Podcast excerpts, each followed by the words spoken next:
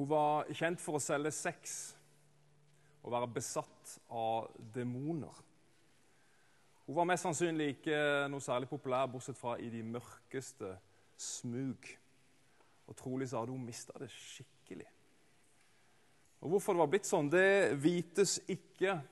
Men Maria Magdalena hun var fra en fiskelandsby kalt Magdala. En veldig aktiv by på Jesu tid. Har faktisk akkurat eh, vært og besøkt den byen. Eller det som er restene av han ved Galileasjøen. Og En dag så besøker trolig Jesus denne byen, og livet til Maria blir aldri det samme. Og Bibelen sier lite om Maria før dette sterke møtet med Jesus, som vi leste fra Lukas 7. Men kanskje var det noe sånn som dette. Foranledningen, altså. Maria får høre at uh, mirakelprofeten Jesus er i byen. Hun får høre Jesus tale en stor, til en stor folkemengde. Og idet Jesus fullfører talen sin, og de syke begynner å trenge seg fram, og Jesus ber for dem, ja, så følger kanskje Maria på. Og Som de fleste andre så er hun tiltrukket av denne personen. Og Selv om hun kanskje bare er en av denne store mengden rundt Jesus, så møtes plutselig blikket til Maria og Jesus. Og dette blikket fra Jesus det fengsler Maria fullstendig. Det har en enorm autoritet. Det føles som han vet alt om henne, men allikevel er det bare godhet og omsorg i blikket. Han stiller seg framfor Maria, han legger forsiktig hånda på hodet hennes, og så kaller han henne med navn. Maria. Hun begynner å gråte. Et skred av sorg og utmattelse. Det velter ut. Og med en autoritet fra en annen verden så befaler Jesus demoner ut av denne kvinnen. Kom aldri tilbake. Maria hyler, hun faller utmatta på bakken. En time går, og hun våkner igjen. Og når hun reiser seg, så kjenner hun seg som et tonn lettere. Noe er løfta av henne. Hun kjenner seg hel, hun kjenner seg ren. Ja, en følelse av uskyld som hun ikke har kjent på siden hun var ei lita jente. Noe stort har skjedd, og Maria gråter av lykke. Hun ser seg om etter Jesus, men han er vekk. Den store folkemengden den er oppløst.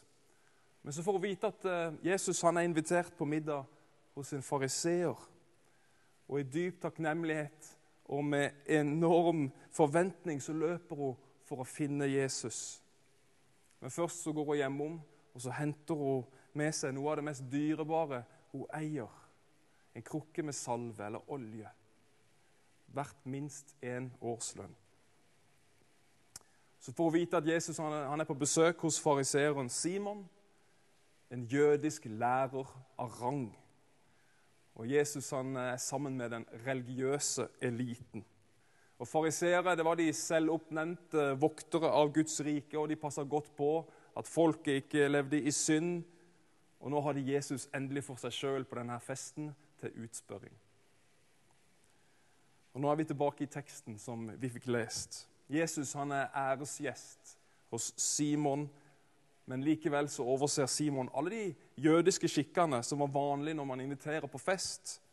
Han møter ikke Jesus med et velkomstkyss, han salver ikke hans hode, han vasker ikke hans føtter. Og tenk på det, Simon, denne gudfryktige fariseeren, han har faktisk besøk av Gud, som han har tjent i alle år, men han skjønner det ikke.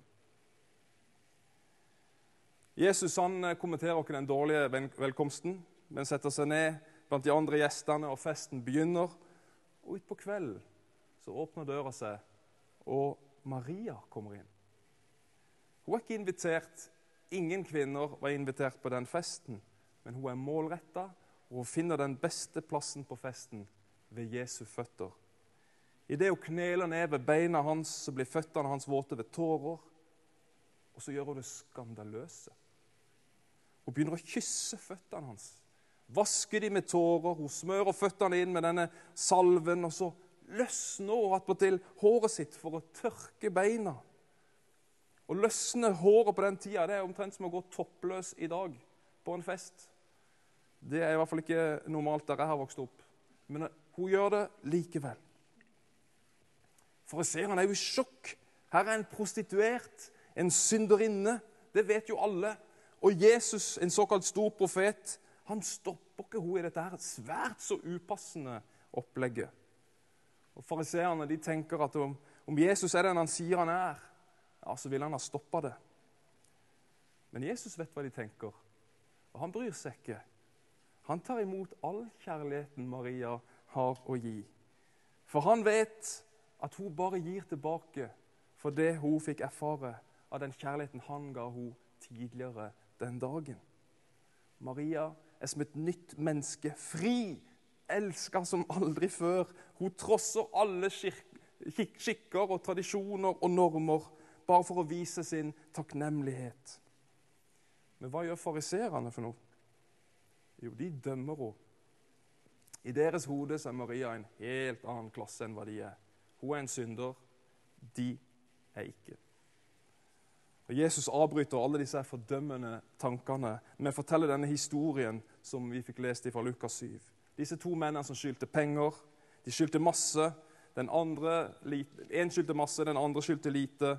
Og Pengeutlåneren han hadde et stort hjerte, så han ettergav dem all gjeld. står det. Og Så spør da Jesus Simon, fariseeren, hvem tror du vil elske han mest? Simon svarer jo selvfølgelig den som blir ettergitt mest gjeld. Og Jesus berømmer han for rett svar, men så fortsetter han. Jeg kom inn i ditt hus, Simon. Du ønsker meg ikke velkommen med et kyss. Denne kvinnen har ikke bare kyssa meg, men hun har kyssa mine føtter. Simon, du salva ikke mitt hode, men denne kvinnen har salva mine føtter med det mest kostbare hun eier. Simon, du vaska ikke mine føtter, men denne kvinnen har vaska mine føtter med tårer og tørka det med sitt hår. Og så sier han det som jeg har lyst til å understreke i dag. Denne kvinnens mange synder er tilgitt. Derfor elsker hun mye. Men den som har blitt tilgitt lite, elsker lite. Og Så kan vi tenke ah, Simon, du dumma deg skikkelig ut. For en tufs. Men forstår vi kanskje like lite hva som er poenget her? For her kommer en åndelig sannhet som vi også fort glemmer. Et svar på Simon og på vår store misforståelse. Og det er det at Jesus blir så stor i ditt liv som du trenger tilgivelse. Jesus blir så stor i ditt liv som du trenger tilgivelse. Og Det er dette vi må forstå. Vårt behov for nåde og tilgivelse er det som kvalifiserer oss til å være en kristen. Kan du tenke åh, kom an, Fredrik, dette her er en sånn svovelpreken. Det orker jeg bare ikke. Nei, det er ikke en svovelpreken. Det er faktisk gode nyheter. Det er faktisk eh, nyheter om frihet. Det er et budskap om frihet. Frihet fordi frelse Frelse det handler ikke om meg, det handler ikke om deg. Det handler ikke om du er en knust Maria Magdalena eller en prektig Simon, uansett hvem du er. Det handler ikke om hvordan du takler dette livet, om du lykkes, eller om du har gått skikkelig på trynet, om du klarer å leve opp til forventningen til deg sjøl eller fra andre. Frelse handler om Jesus. Det handler om Jesus, hva han gjorde på korset. Det er derfor vi er så opptatt av det. Det handler om hva han gjorde, hvem han er, hva han har gjort, og hva han kan gjøre av underverker i mitt og ditt liv. Mens jeg, mens du, ja, vi, vi trenger tilgivelse. Bibelen sier faktisk at vi alle har synder, vi har ingen har del i Guds herlighet. Sånn er det bare.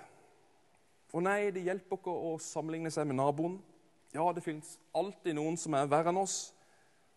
Men det hjelper så lite når Gud sammenligner oss med Jesus. Da kommer vi alle til kort. Og Dessuten så er synd mer enn enkeltstående handlinger. Det er faktisk vanedannende. Og ikke bare det, men det gjør meg til en syndens slave, sier romerbrevet. Ja, Ja, Vi vet jo selvfølgelig om rusavhengighet og sexavhengighet. Vi vet om pornografi, vi vet om spillavhengighet, ja, shoppingavhengighet, ja, arbeidsnarkomani osv. Men vi blir også slaver av tankemønstre, reaksjonsmønstre, handlingsmønstre. Det dannes livsmønster hvor vi blir slaver i eget liv. Ja, Vi kan være slaver av vår arroganse. Vi klarer ikke bryte ut av vår misunnelse. Vi klarer ikke kvitte oss med vår bitterhet. Vi klarer ikke å la være med å baktale. Vi vet så inderlig godt at vi sitter fast i det.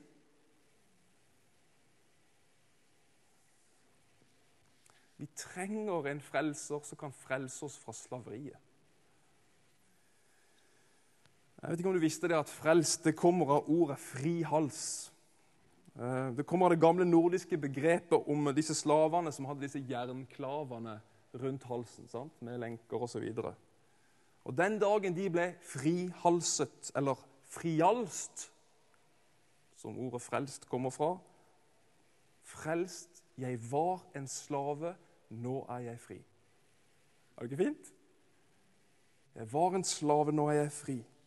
Og det er dette Maria har erfart. Lenkene fra et tøft liv. Vi vet ikke hva, hva dette livet har, har bringt henne, men hun er fri. Dype sår har fått legedom. Gud har vendt det onde til det gode i hennes liv. En ny start. Er det så rart at hun er uforskamma takknemlig? For den som har fått mye tilgitt, elsker jo mye. Og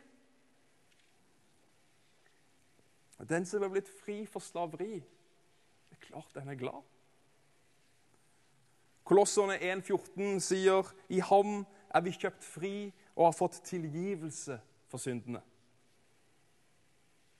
Skulle ønske jeg kunne se skjermen deres når dere kunne gi sånne yes. Jeg liker jo et lite halleluja innimellom. Saken er du kan bli fri. Jesus tilgir oss våre synder. Men så har du de som har fått lite tilgitt. De elsker jo lite. Ja, det var jo et ord rett i ansiktet på Simon, som hadde bare misforstått. Men det er, like, det er kanskje like mye til oss, mange av oss kristne i hvert fall.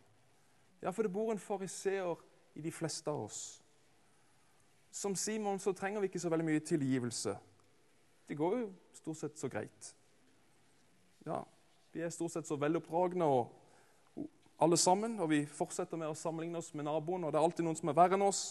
Og vi, ja, vi betaler jo til og med klimakvoter og spiser mindre kjøtt og kjører elbil. Og ja, vi gir faktisk litt i kollekten også. Ja, enda verre. Vi finner vår og andre, andres verdi gjerne etter hvordan vi klarer oss i livet. En god kristen er jo en som takler det livet veldig godt. En som holder seg alltid på matta. Det er jo en god kristen. Eller hvordan var det vi tenkte igjen? Men du vet, Når vi tenker sånn, når vi handler på den måten, så er ikke korset lenger sentrum i våre liv, som vi har lært oss at det skal være. Men da er det meg sjøl og hvordan, vidt, hvordan, jeg klarer og takler livet. Da er det det som er i sentrum. Og det er ikke kristendom. Det er ikke å være en kristen. Det er legalisme. Det er religiøsitet Det er ikke det vi vil ha. Det er Ikke det Jesus kaller oss til. En menighet uh, over there, you know, in America, de har over inngangspartiet Der står det 'No perfect people allowed'. Ingen perfekte mennesker har adgang. Og Det kunne like gjerne vært et kors, for det har akkurat samme betydning. No perfect people allowed. Det er bare Guds nåde en påminnelse vi fariseere trenger. For altfor mange av oss kristne lever som om Jesus aldri triumferte på korset, som om at han ikke gjorde en god nok jobb. Vi må hele tida legge noe til. Det er jo ikke sånn at vi gjør dette av ond vilje. Det er bare blitt sånn. Med den katastrofale konsekvens at det kveler gleden, at, det kveler noe av festen ved å være et Guds barn. Og ikke bare det, vi som legger lista så høyt for oss sjøl, og som ikke lever i nåden, vi elsker lite. Akkurat som Simons venner. De dømte stakkars Maria. Hun var liksom diskvalifisert, hun. Jeg ser meg sjøl på festen. Jeg ser på dette som skjer. Jesus sier dine synder er tilgitt. Jeg går hen til Jesus og sier jeg, 'Jesus, er du helt sikker på at det er rett at det du gjorde der?' Jeg hørte ikke at hun angra på sin synd. Jeg hørte ikke at hun omvendte seg. Uh, du, burde ikke ha bedt en frelsesbønn med og Sånn? Vi var helt sikre. Akkurat som at Guds nåde, Guds verk på Golgata trenger min begrensning og min kontroll. Gjør han det? Og Hvis du kjenner deg igjen i disse ordene, her, så har jeg et ord til deg. Og det er at Jesus blir så stor i ditt liv som du trenger tilgivelse. For en frihet det er i det. Unnskyld meg. Halleluja. Halleluja! Jesus blir så stor i mitt liv som jeg trenger tilgivelse. Og det gjelder ikke bare naboen din eller Maria Magdalena, men det gjelder meg. Kanskje aller mest. For når vi innser at vi aldri kommer til å fortjene Guds nåde, da blir Jesu nærvær så mye rikere i ditt liv. Jeg tenker at vi må kaste oss som Maria ved Jesu føtter. Kaste oss ved Jesu føtter. Ikke bli sittende prektige som Simon ved bordet der. Tenk at nei, det trenger jeg ikke. Et av livets store spørsmål det er trenger jeg en frelser. Trenger du en frelser? Og Svaret ditt på det er helt avgjørende. Ja vel, Lukas han avslutter uh, denne historien med Jesu ord til Maria. Dine synder er deg tilgitt. Din tro har frelst deg. Gå i fred. Og akkurat det samme, det vil han gi til deg. Amen.